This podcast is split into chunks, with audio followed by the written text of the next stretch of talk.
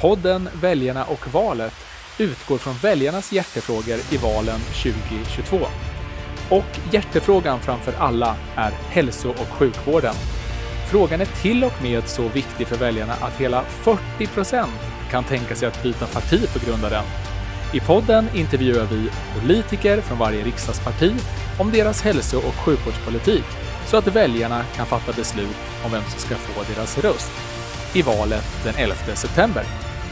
Och jag som ställer frågorna heter Peter Leander och arbetar med politik och kommunikation på LIF, de forskande läkemedelsföretagen. En branschorganisation som genom läkemedelsföretagen samarbetar och partner upp med hälso och sjukvården för att verka för att Sverige ska ha en vård i världsklass. Varmt välkommen Lina Nordqvist till dagens avsnitt av Väljarna och valet, vår nya poddsatsning här under valåret 2022. Tack så mycket. Och jag är oerhört nyfiken på hur det kom sig att du både blev liberal, blev riksdagsledamot i socialutskottet och också är partiets hälso och sjukvårdspolitiska talsperson. Hur har det gått till? Ja, liberal har jag nog alltid trott att jag har varit. Jag vet att jag blev förbannad när jag någon gång i ett skolval eh, fick resultatet att jag skulle rösta på Centerpartiet. Då var jag helt övertygad om att det måste vara fel på, den, på det provet vi hade gjort då, de frågorna vi hade fyllt i. Men eh, jag hade nog aldrig någon tanke på att jag skulle engagera mig politiskt egentligen. Förrän jag hade varit varit apotekare, sett bristerna där med de människor som var ganska trasiga och kom in till apoteket, tog sitt metadon eller hämtade sina askar. Eh, jobbat på medicinska fakulteten och gång efter gång blivit ganska frustrerad över att det fanns så mycket kunskap men den når ju inte patienterna. Och sen tror jag det rann över när de, framförallt de sjuksköterskor som jag undervisade, eh, liksom grånade och kroknade några år efter de var färdiga. Um, och då tänkte jag att vad är det vi gör? Vad är det vi gör för fel? Vi har så mycket bra, vad är det vi gör för fel? Så då bestämde jag mig för att nu måste jag gå med i ett parti och så måste jag göra något. Jag kan inte bara sitta här. Uh, och mer genomtänkt än så var det nog inte men uh, då blev det Liberalerna och nu sitter jag här. Och eh, du har ju varit eh, regionpolitisk eh, aktiv också ju. Och om man vill göra verkstad, känns det lättare att göra det i den rollen eller i din nuvarande roll som riksdagsledamot tycker du? Jag trodde ju att det skulle gå att göra skillnad där och det gick att få till en hel del löneökningar. Det gick att börja få till insikten om att eh, hälsosamma scheman och eh, vårdplatser och så vidare är oerhört viktiga. Men hade jag tyckt att jag kunde göra tillräckligt mycket skillnad där, då hade jag varit kvar där. Eh, jag insåg nog redan efter ett par år att det är staten som är boven. Och att det kommer väldigt mycket både tung byråkrati, administration och käppar i hjulet uppifrån. Att staten istället för att strategiskt hjälpa till och sätta mål och stötta faktiskt ofta tippar omkull. Och det var då jag bestämde mig för att jag måste in i riksdagen. Det är där jag behöver vara för att kunna göra något. Mm. Och eh, jag tänker att det är intressant det där med sjukvården rent generellt. Nu har ju du varit engagerad i den, men det är också så att väljarna är väldigt engagerade i det. Och tittar man i alla fall på Novus mätningarna så i över tio år så har sjukvårdsfrågan hamnat eh, som på plats nummer ett i alla de här väljarundersökningarna för viktigaste frågan. Varför tror du att det är så? Varför engagerar sjukvårdsfrågan människor så mycket? Det vore egentligen konstigt annars, tänker jag. Alltså, det är ju den som finns där när livet går sönder. Ingen människa vill väl lida och ingen av oss vill se någon, någon som vi älskar lida. Ingen av oss vill leva kortare tid än vad vi, än vad vi kan.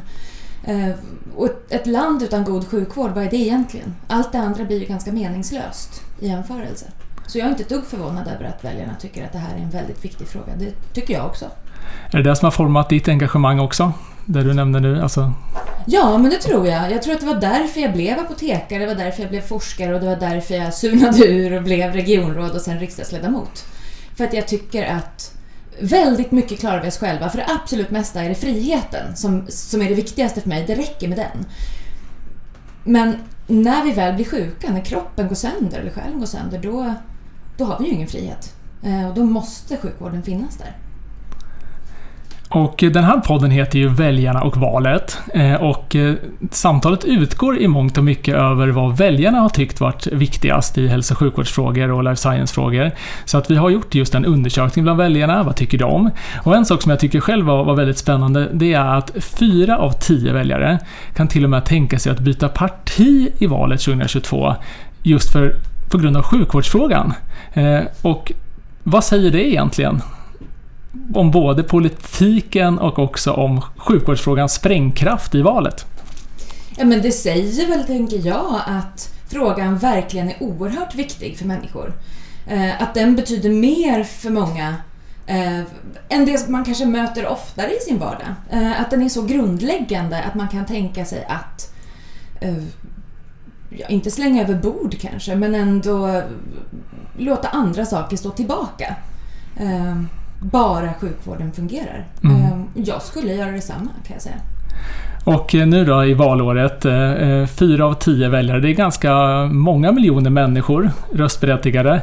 Hur ska ni liberaler få över dem till er och att de röstar på er den 11 september? Just på, sjuk, på grund av sjukvårdsfrågan tänker jag. Oj, vilken fråga! Jag tror ju att de allra flesta av oss eh, förstår att när det gäller just sjukvård eh, så är valfrihet någonting annat. Och frihet någonting annat än om jag går till Ica och köper mjölk. Eh, när det gäller sjukvård handlar det ju också om att ha en trygghet, att ha relationer med, med de man träffar ofta i vården.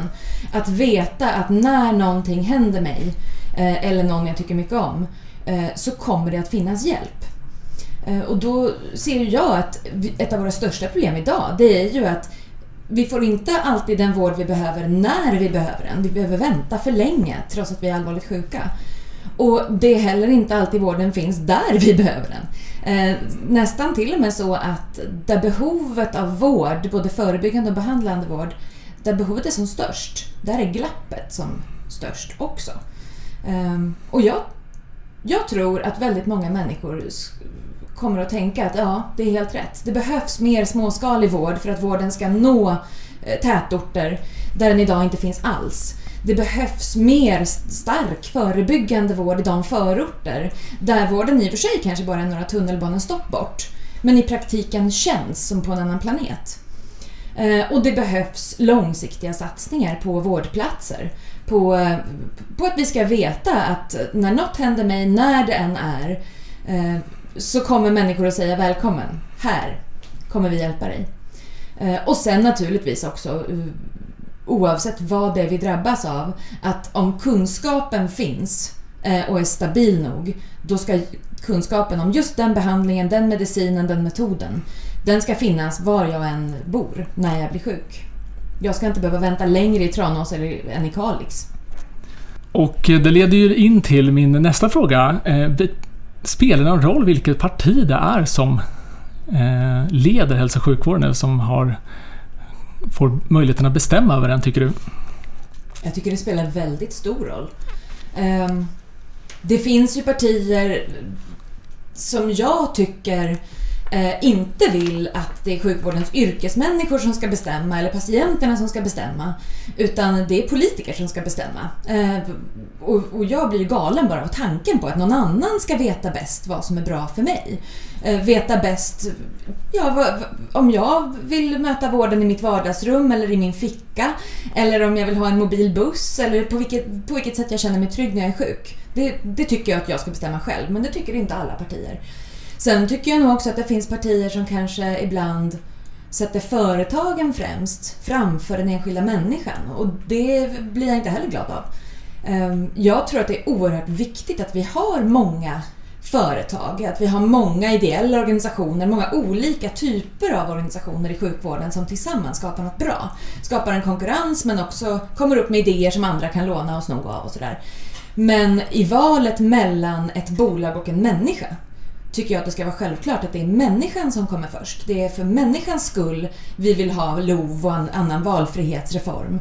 Det är för människans skull vi vill underlätta småföretagande eh, i Sverige när det gäller vårdmottagningar och annat. Och det är för människans skull vi måste ha bra villkor för läkemedelsföretag. Inte för företagens skull, något av det. Utan de är ju ett sätt att hjälpa oss människor att må bättre. Så någon form av frihets... Eh, tanke hoppas ni eh, att eh, väljarna ser inför valet här för att fånga över de där fyra av tio väljarna? Ja, men precis. Att, att kunna vara fri även när man är sjuk. Eh, det är inte det lättaste, men det är ju det vi måste sätta som målet. Att jag ska ha mitt självbestämmande från den dag jag föds till den dag jag dör. Så ska jag ha ett självbestämmande och det ska jag ha vare sig jag är frisk eller sjuk. Och vare sig jag drabbas av sjukdom sällan eller jag har många sjukdomar som aldrig kommer gå över. Det ska fortfarande vara min kropp och mitt liv. Eh, och det kräver ganska många svåra beslut och det kräver ur många aspekter en annan politik än den som har förts hittills. Eh, som ju ofta har fokuserat antingen på eh, på politisk maktstyrning eller på ren vanlig valfrihet som på, som på snabbköpet. Jag tror inte att något av dem funkar, men jag tror att vi med kloka beslut verkligen kan få till det där självbestämmandet, den där friheten även för den som är svårast sjuk. Mm, och I den här väljarundersökningen då så har vi också passat på att fråga väljarna vad de tycker att ni som politiker bör fokusera allra mest på. Och det de tycker att ni ska lägga mest energi på i sjukvårdsfrågor, eh, det är att eh, korta vårdköerna till eh, operation. Och jag vet att ni, ett sätt som ni har adresserat det här på är en moderniserad kömiljard exempelvis, men det kanske har andra tankar och idéer för att adressera väljarnas ja, främsta passning till er. vad, vad tänker du om det? Ja, men det, jag förstår dem. Eh, jag tror jag nämnde det i början här, att just det här att, få den vård man behöver när man behöver den. Att inte behöva vänta när man är sjuk på att få hjälp. Jag, jag tycker det är givet att det, att det är den viktigaste frågan för många människor. Och vi vill ju både, så, precis som du säger, ha en moderniserad kömiljard, eller kömiljarder är det väl idag, för det är över 3 miljarder. Eh, vi vill satsa väldigt, väldigt långsiktigt, antagligen mer än ett decennium, på fler vårdplatser. Vi måste kunna hålla oss till det nordiska snittet när det gäller vårdplatser. Mycket av öppenvården som, som görs idag är ju något fantastiskt. Medicinska framsteg har ju gjort att vi inte behöver ligga på sjukhus lika länge som förr. Men samtidigt så har vi också monterat ner eller tvingat stänga vårdplatser av personalbrist och annat som vi faktiskt behöver ha. Um, Sen behöver vi också göra strategiska transaktioner, tycker vi liberaler. Det har inte jag hört att något annat parti vill. Där vi flyttar pengar från Försäkringskassan. Så att istället för att de pengarna används för att sjukskriva människor så ska pengarna kunna användas för att korta köerna. Eh, och den här idén är inte ny. Det är Bo Könbergs eh, idé från när han var sjukvårdsminister för dåvarande Folkpartiet. Men den är fortfarande inte genomförd. Varför begriper jag inte. Men eh, det är oerhört viktigt. Och slutligen, eh, och det skulle kunna vara mitt svar tror jag, vilken fråga du än kommer ställa här framöver. Arbetsvillkoren i sjukvården är ju det, de är helt avgörande. Det spelar ju liksom ingen roll vilka idéer vi politiskt kommer fram med eller vilka lagar vi stiftar, vilka myndighetsuppdrag vi ger eller vilka pengar vi eh, håller presskonferenser om. Utan goda arbetsvillkor så blir det ingen vård. Och vi måste bli bättre på att behålla de allra kunnigaste i vården, så är det bara. Ja, men bra att du tar upp det och det var ju också en av sakerna förutom eh, eh tid till eh, operation och andra eh, vårdköer. Just eh, eh, vårdpersonalens arbetsvillkor eh, som väljarna tycker också att politiken har en viktig roll att, att spela. Så att, eh, bra att du svarade på båda de frågorna samtidigt här Lina. Jag kan säga mer om dem om du vill. Om du ja, vill. men varför inte? Vi har hur mycket tid som helst i den här podden. Ja, men vad härligt. Mm. Det skulle du aldrig ha sagt. um, nej, men jag tänker att när man om man väljer att gå en utbildning för, för ett sjukvårdsyrke, då tror jag inte att det man tänker sig vare sig är att sen ska jag varje dag göra en tidsresa bakåt till 90-talet, eh, där jag inte längre kan använda smarta digitala lösningar, utan jag ska sitta i krångliga system där jag ska knappa in gång efter gång efter gång människors personnummer. Eh, jag ska faxa och jag ska ha olika typer av analyssystem som inte hänger ihop med varandra. Data ska finnas spridda överallt, jag ska aldrig kunna hitta dem. Det tror jag inte att någon tänker. Jag tror heller inte att de tänker att jag vill ha ett, jag vill ha ett sjukvårdsyrke för jag älskar papper. Det tror jag väldigt få människor tänker. Men ändå är det oerhörda mängder byråkrati i sjukvården. Och när vi jämför till exempel då en, en brittisk GP, alltså husläkare, med en svensk, så är det, alltså, det är ju mer än 100% mer pappersarbete för den i Sverige. Så att när vi förvånas över att tiden inte räcker till i sjukvården, då tror jag att det vi egentligen borde tänka, det är vad är det vi tvingar människor att göra med sin tid? Hur är det med den digitala infrastrukturen? Hur är det egentligen med byråkratin? Låter vi människor jobba med det det de utbildat sig för, för på toppen av sin kompetens. Ger vi dem frihet att fatta de beslut de har utbildning för eller tar vi oss rätten att fatta besluten åt dem? Och när vi har besvarat de frågorna då tror jag att vi har löst en hel del av eh, problemen problemen med arbetsvillkor. Ehm, jag, vi har väldigt mycket att göra eh, och mycket av det handlar om att sluta göra saker. Sluta skicka ut extremt byråkratitunga eh, direktiv som vi sen tvingar människor att utföra. Eh, flytta administratörerna så att de avlastar sjukvården istället för att skapa mer jobb för människor. Nu tar du upp en hel del av eh, saker inom hälso och sjukvården som låter lite tråkiga eller byråkratiska. Tror du att det finns också roligare saker för hälso och sjukvårdspersonal att syssla med inom forskning eller annat som de också kan ägna sin tid åt? Ja men självklart. Alltså den tid som frigörs, tänker jag, det är ju, det är ju därför den är så oerhört värdefull. För att ha tiden att möta patienterna, Eh, för att ha tiden att eh, få fortbildning. Jag tycker man ska ha rätt till fortbildning och alla arbetsgivare i sjukvården ska ha en skyldighet att erbjuda fortbildning. Eh, tiden som forskare måste ju garanteras även om man också har en klinisk del i sitt yrke. Den tiden kan inte vara något som man drar in helt plötsligt så att morgondagens patienter förlorar på att dagens behöver vård. Det finns hur mycket som helst som vi kan göra med den här tiden som idag faktiskt mals ner i en papperskvarn. Eh, vi kan använda tiden så mycket klokare och all, alla de sakerna tror jag vore betydligt roligare att jobba med. Mm, och det glider in lite just eh, på det här med forskning faktiskt. För att i den här väljarundersökningen också kunde vi se att 76% av väljarna tycker att Sverige bör satsa på att svårbehandlade patienter ska få möjlighet att medverka just till, till kliniska prövningar. Och eh, i tillägg till det du nämnde själv här så har ju ni också lyft, lyft fram just särskilda förslag om att eh, kraven på regioner att bedriva forskning, utveckling och innovation bör skärpas. Mm. Och tror du att de här åtgärderna också kan, kan bidra till att det blir just liksom både fler kliniska prövningar men också att vårdyrket kanske också både blir mer stimulerande eller roligare. Det tror jag absolut. Eh, man får ju liksom det man, det man frågar efter, tänker jag.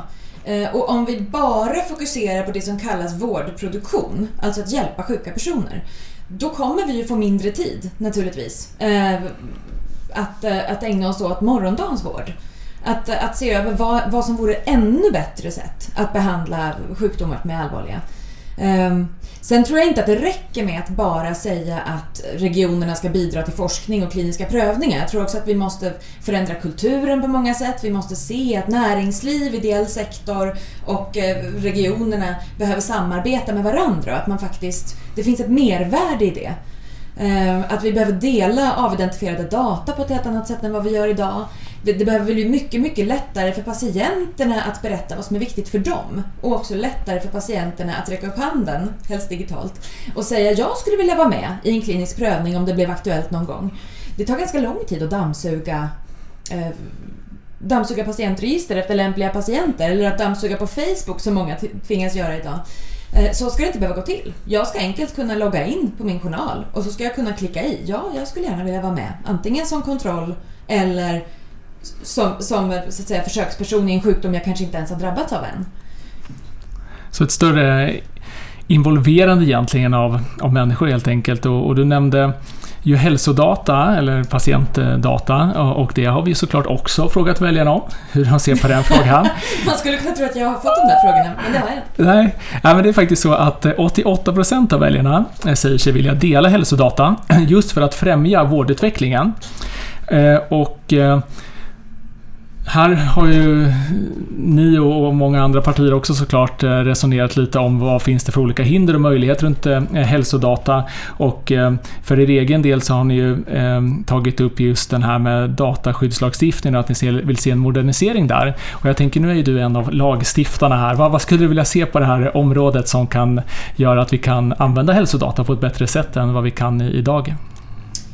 Alltså vi har ju vi har ju självklart en anledning till att se till att data är för integritetens skull, för Sveriges säkerhets skull, att de är skyddade. Det är inget konstigt med det. Vi vill vare sig att ryssen ska få reda på vad vi har våra svaga punkter eller att valfritt ja, vad vet jag, eh, valfritt eh, hälsokostföretag ska råka få reda på vilka personer som de ska skicka reklam till.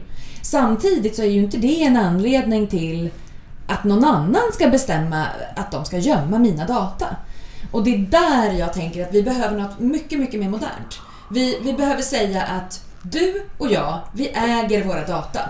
Och, och om vi väljer att dela med oss av dem, avidentifierat, eh, så ska vi kunna göra det. Och då ska det inte vara så att lite är inlåst i den kommunala hemsjukvården, annat är inlåst i min region. Det där benet jag bröt i Göteborg, då låstes det in ett gäng data där. Och har jag otur och bor i en viss region, då, då, då kan det vara så att vårdcentralen har data som sjukhuset sen inte känner till. Det här är ju bara galet. Det är mina data, jag ska äga dem och jag ska kunna välja att bidra med dem till, till kunskap utan att vara orolig vare sig för ryssen eller för eh, integritetsfrågor så att säga. Eh, och där är vi inte idag, men eh, jag tror att vi kommer hamna där för jag tror ändå att det finns en sån oerhörd sprängkraft i att kunna göra något bra. Eh, de här data kan ju hjälpa människor till ett helt annat liv och jag tror väldigt många vill hjälpa till med det, med sina data. Mm. Och mycket av den här datan de uppkommer ju kanske rent formellt i regionerna för det där hälso och sjukvården bedrivs eller kanske till och med i kommunerna om, om det är hemsjukvård och annat. Och jag tänker nu är du på nationell nivå i riksdagen. Hur kan eh, man bidra på nationellt sätt för att skapa den här infrastrukturen som, som alla, alla regioner och kommuner kan ha nytta av och, och såklart eh, eh, enskilda individer i slutändan? Vi behöver beslut och pengar helt enkelt. Vi behöver fatta beslut om att det är så data ska kunna delas och att det är individen själv som äger sina data, ingen annan. Vi behöver beslut om satsningar på en sån infrastruktur där vi, tycker jag, absolut ska kunna säga att eh, den som är så att säga datalagraren, det är staten. Det här vill vi inte överlåta till någon annan. Eh, men att varje liten etta och nolla ägs av den person som data kommer från. Och det kommer ju kräva stora investeringar och det kommer kräva tuffa beslut där man säger att visst regionerna, ni är självstyrande när det gäller hur ni bäst når människor på en viss ort med sjukvård. Men ni kan inte vara självstyrande i att låsa in viktig kunskap. Kunskap som är hemlig räknas inte tycker jag. Kunskap ska vara fri. Kunskap ska spridas. Annars är den ju inte till någon nytta. Nej, nej men det finns en hel del som sagt eh, inför för valet här kanske att adressera då på, på nationell nivå här låter det som. Eh, jag tänkte att vi skulle fortsätta lite på eh, väljarnas eh, olika önskelistor här inför valet. Men en sak som hela 84% av väljarna pekar ut som en sån här riktig ödesfråga framöver, inte bara just i det här valet utan rent generellt för hela samhället, det är antibiotikaresistensen. Och jag vet att du har lyft den här frågan många gånger och bland annat så har du pekat på vikten av innovationsfonder som man kan använda för delfinansierade av studier av just olönsamma behandlingar med antibiotika och sådär. Eh, så vad är dina tankar om du får utveckla den idén lite mer? det, här, det här skulle jag kunna prata ganska länge om känner jag. Ehm, vi har ju precis kommit ur en pandemi nu och jag tror att många människor ändå man har dragit en lättnadens suck och tänkt äntligen är det över. Och vi kan nog lära oss mycket tror jag av den pandemin eh, som vi precis har varit igenom. Dels naturligtvis att eh, vaccinerna var det som gjorde skillnaden. Och det gäller ju även i antibiotikaresistens naturligtvis. Att både vacciner mot, mot eh, bakterier och även vacciner mot virus som i sin tur sen eh, kan ge eh, bakterieinfektioner. Eh, det är ju ett, ett väldigt viktigt sätt eh, att eh, sakta ner Eh, den pandemi som vi är på väg att få, där jag gissar att det kommer handla om, ja nu är det tyst här i början, men där jag gissar att det kommer handla om eh, väldigt allvarliga eh, sjukdomar. Och nu börjar jag om med det här svaret, för det här blir ju helt snurrigt. Ehm, så. Alltså, vi har ju precis varit igenom en pandemi nu och jag tror att väldigt många människor, även jag, drog en lättnadens suck när restriktionerna lyftes. Ehm, och jag tror ju att antibiotikaresistensen som du frågar om, den har ju både likheter och även stora skillnader med den pandemi vi just kom ur. Eh, likheterna är naturligtvis vacciner, att vacciner är så oerhört viktiga och det har vi precis sett här nu igen. Precis som så många gånger förr det senaste ja, århundradet och även dessförinnan. Men en stor skillnad är ju att coronapandemin kom ändå plötsligt måste man säga. Eh, vi var inte beredda, vi var inte redo, vi hade inte kunnat göra så himla mycket eh, annorlunda i förväg. Det handlar om månader kanske. Vi hade kunnat rösta, rösta sjukvården mer men vi hade inte kunnat göra något mot just specifikt detta virus. Antibiotikaresistensen är ju precis tvärtom. Den har krupit närmare oss under mycket, mycket lång tid. Eh, vi vet det, vi ser den komma och vi gör för lite. Ehm, jag tycker ju att vi behöver vi behöver både satsa på att minska risken för att någon ska behöva använda antibiotika naturligtvis. Vi behöver satsa på vacciner, vi behöver satsa på antivirala. Vi, be vi behöver se till att minska risken för att människor insjuknar eh, i sådana bakterieinfektioner som de hade kunnat undvika. Men vi behöver också absolut, precis som du säger, se till att det finns större incitament för att faktiskt utveckla nya antibiotika. Trots att de idag, eh, enligt hela samhället, eh, ska ges så sällan som möjligt och varje kur ska vara så kort som möjligt så behöver vi nya och så är det bara. Um, och sen när de väl är färdiga så behöver vi ju fundera på hur, ska vi, hur vill vi betala för de här? Vill vi fortsätta med lägsta pris? Um, jag tror ju inte det.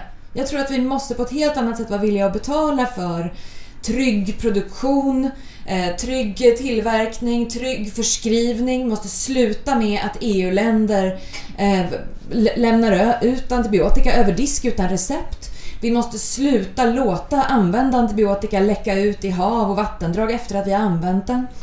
Det finns så otroligt mycket att göra och vi gör för lite. Trots att väldigt många undersökningar ju visar att detta kommer ju, eh, tyvärr med allt större sannolikhet, att bli den vanligaste dödsorsaken om bara kanske ett par decennier. Det kommer bli vanligare än både ja, cancer, trafikolyckor, difteri och stelkramp tillsammans. Så att, eh, vi har väldigt mycket att göra och det, klockan är fem i tolv skulle jag säga för att, för att säkra eh, så mycket motstånd vi bara kan. Mm, en rejäl kraftsamling på området helt enkelt. Ja. Eh, du nämnde ju vaccin som, som ett exempel eh, här och eh, jag vet att ni har ju engagerat er mycket i de här barnvaccinationsprogrammen där ni till och med har, har gått så långt kanske man till och med ska säga att ni tycker att barn vars föräldrar valt att inte vaccinera inte borde få företräde för, till förskoleplats om det finns risk att smitta andra och, och så vidare. Och vi passade på att fråga väljarna också om hur de ser på vaccinationsprogram. Nu frågade vi just om de här äldrevaccinationsprogrammen och där tyckte 84% att man skulle införa sådana kostnadsfria vacciner för exempelvis influensa, bältros och pneumokock och sådär.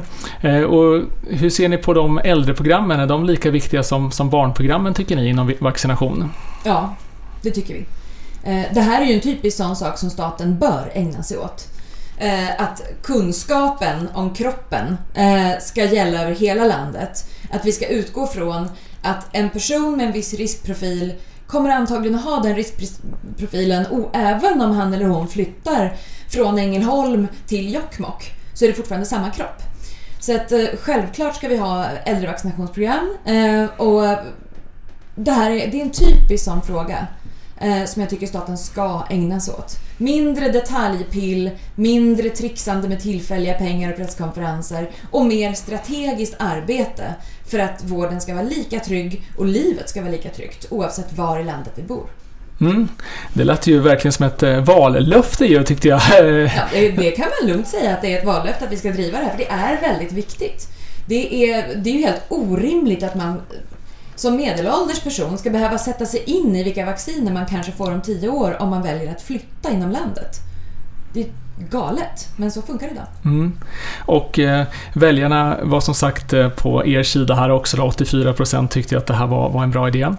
Eh, jag tänkte vi skulle prata lite mer generellt om, om läkemedel. har vi också passat på att fråga väljarna om. Och där eh, tycker 72% att de läkemedel som godkänns av EMA, alltså den europeiska läkemedelsmyndigheten, också ska erbjuda svenska patienter. Och det är ju delvis en, en utmaning idag, bland annat kanske för att eh, det inte finns system som klarar av det. Eh, om vi, man använder två läkemedel, eh, vad vi kallar för kombinationsbehandling här idag, eh, så finns det inte riktigt betalningsmodeller för det och så vidare. Så finns det en rad olika systemfrågor där det här är lite klurigt. Och ni har ju själva lyft fram det här med individualiserade ersättningsformer för läkemedelsbehandling, just att man ersätts efter resultat och så vidare. Är det idéer som du tror liksom kan adressera väljarnas syn på att få de läkemedel som godkänns på europeisk nivå? Helt uppriktigt så tror jag att de flesta invånare struntar i hur det går till. Jag tror att det man vill är att om kunskapen finns där då ska den finnas hemma hos mig i mitt badrumsskåp, eller var man nu förvarar sina läkemedel, när jag behöver dem. Sen om, om, man, om man gör som vi vill i vissa fall, att man säger att staten ska adoptera sällsynta sjukdomar, de här riktigt ovanliga, väldigt kostsamma behandlingarna, de får staten ta och behandla, eh, betala för. Därför att annars så kommer andra eh, patientgrupper att puttas undan ute i regionerna. Ehm, eller om man, eh, om man har, som du säger, någon form av effektivitetsmodeller eh, där man säger att eh, vi kommer betala mer om de visar sig vara bra.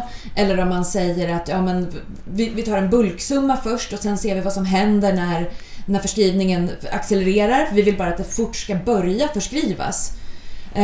Jag, jag, jag, tror att de flesta människor struntar i vilka av de här modellerna, om man har en blandning eller om man bara har några. Det som är viktigt är ju just att jag ska inte behöva sitta och titta över sundet eller över Östersjön eller över Atlanten och tänka varför får de? Men inte jag.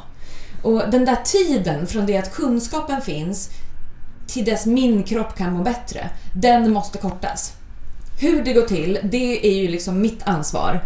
Eh, men att det ska vara så, Eh, det måste man kunna lita på som invånare tycker jag. Mm.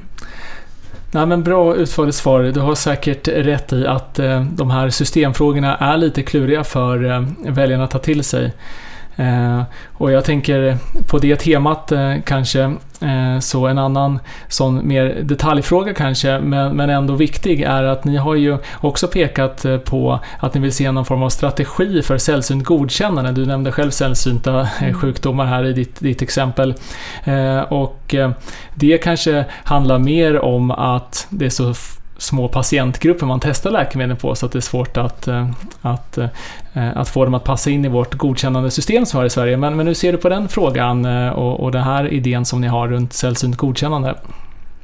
Ja, nej, vi, vi har ju kommit upp med den just för att vi ser att att, att, att, att, kräva säkerhetsdata så att man inte riskerar att bli sjukare eh, av en behandling, det är ju helt rimligt, det vill vi inte tumma på.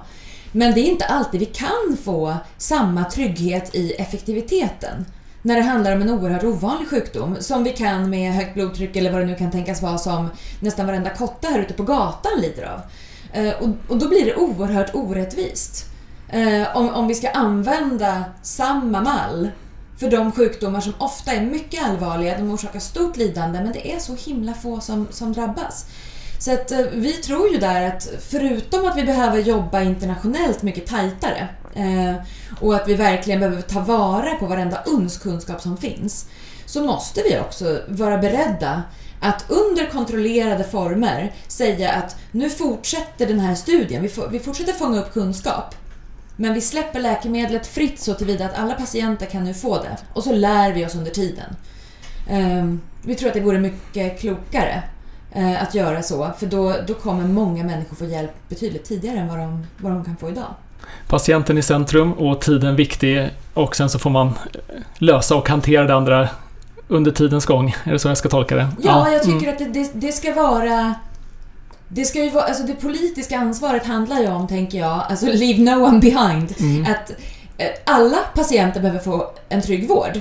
De flesta räcker inte. Det räcker inte med att 90 eh, no, kunde få nå sin husläkare i tid. 90% fick ju ett okej läkemedel. Eh, 75% stod i kö mindre än eh, tre månader. Eh, varje person har rätt till bra vård och då måste det gälla var man än bor men också, apropå det du just frågade, vad man än drabbas av i livet. Det ska inte vara så att en ovanlig sjukdom ska innebära att de du möter i vården inte vet någonting och att de behandlingar som finns inte finns för dig. Och jag såg också någonstans eh, att eh, Ni har föreslagit att eh, just den här frågan borde vara en av Sveriges profilfrågor under EU-ordförandeskapet i början på, på nästa år. Är det andra frågor som, inom det här området som du tycker ska vara liksom profilfrågor för, för Sverige? Antibiotikaresistensen tror jag absolut också att vi måste fortsätta med. Men sällsynta diagnoser är så uppenbart ett internationellt område. Det är något vi måste lösa över landsgränserna. Eh, vi ser ju att vi på sikt behöver europeiska specialistcentra eh, till och med, där man, där man faktiskt för vissa väldigt ovanliga ingrepp eller för multidisciplinära konferenser, man behöver konsultera en expert i Hamburg, det ska inte vara konstigt. Kunskap kan resa. Eh, det, det, det brukar den göra, det brukar bli bättre då. Så att, nej, det, det, är nog de två eh, frågorna som vi tycker är viktigast inom sjukvårdsområdet. Mm. Ja, vi får se som sagt eh, ett år kvar ungefär eh, från eh, till att Sverige tar över EU-ordförandeskapsflaggan här. Eh, men jag tänker då, vi började ju med att prata lite om de här eh, fyra av tio eh, väljarna som tycker att sjukvårdsfrågan är så viktig så att man kan tänka sig att byta parti. Vi säger att alla de här går nu till dig och Liberalerna och röstar på er den 11 september. Ni får majoritet, egen majoritet faktiskt i riksdagen och du blir socialminister. Helt själv, behöver inte tänka på att samarbeta med något annat parti, inga andra personer förutom... Vilket utmärkt förslag, vi bestämmer sig jag. Okej, då är det bestämt. Men vi ska ponera det i alla fall fall. Och, och, och, du blir socialminister som sagt eh, och kan sätta agendan eh, helt själv. Vad är det första du gör då? Nu får du ett sånt där politikersvar, för jag vill göra tre saker samtidigt faktiskt. Det går bra. Eh, jag vill ha mer vård där den idag fattas som mest. Det gäller förorter och det gäller tätorter. Det måste bli lättare att driva småskalig vård. Det måste vara så att vården kommer närmare människan, både mobilt, digitalt och eh, med hus så att säga. Eh, sen vill jag se till att genom strategiska lösningar se till, eh, korta vårdköerna. Och vi kan, vi, kan, vi kan göra mer av det vi redan har gjort, men vi måste också göra saker på nya sätt. Vi måste ta Försäkringskassans sjukskrivningspengar och göra människor friskare med dem. Vi måste se till att kunna bemanna vårdplatser, att, att, att göra bristyrkena till drömjobb. För det finns inget annat sätt att, att korta köer, det bara går inte. Eh, och sen vill jag att all den här kunskapen som finns, den finns i företag, den finns på lärosäten, den finns utanför landet, den finns i landet. Vi måste mycket, mycket snabbare se till att den når patienterna. Och det kräver både säkrad forskningstid, det kräver fler kliniska prövningar och det kräver klokare byråkratiska processer utan onödiga fördröjningar. Jag tror att klarar vi de tre, att jag känner att var, var jag än bor, att där har jag vården i fickan eller där nere på, på gatan.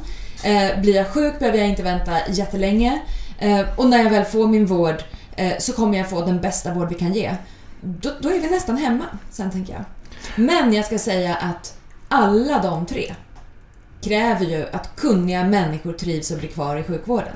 Det finns, liksom ingen, det finns ingen annan lösning där vi kan runda arbetsvillkoren, så de finns ju i alla de här tre frågorna. Mm. Men för att det ska bli så här då, att ni ska få de här fyra av tio väljarna att rösta på, på just er och att du ska få so bli socialminister och göra allt det här, eh, då behöver ju det ske en del kommunikation med väljarna eh, inför valet. Och eh, vad är då bättre kommunikation till väljarna än valaffischer, tänker jag, som har funnits i alla tider. Så jag tänker att vi ska avsluta den här eh, podden eh, nu genom att du ska få rita din drömvalaffisch som gör det här möjligt. Eh, och eh, för er som eh, lyssnar på den här podden, ni kommer att få ta del av den här fina valaffischen på liv.se så där kan ni gå in och, och kika på, på den. Eh, och eh, för er som lyssnar så säger jag ett jättestort tack till dig Lina Nordqvist för att du deltog och berättade om dina och partiets tankar om hälso och sjukvårdsfrågor. Tack så jättemycket själv. Tack. Då försöker vi väl rita något då. Då ritar vi.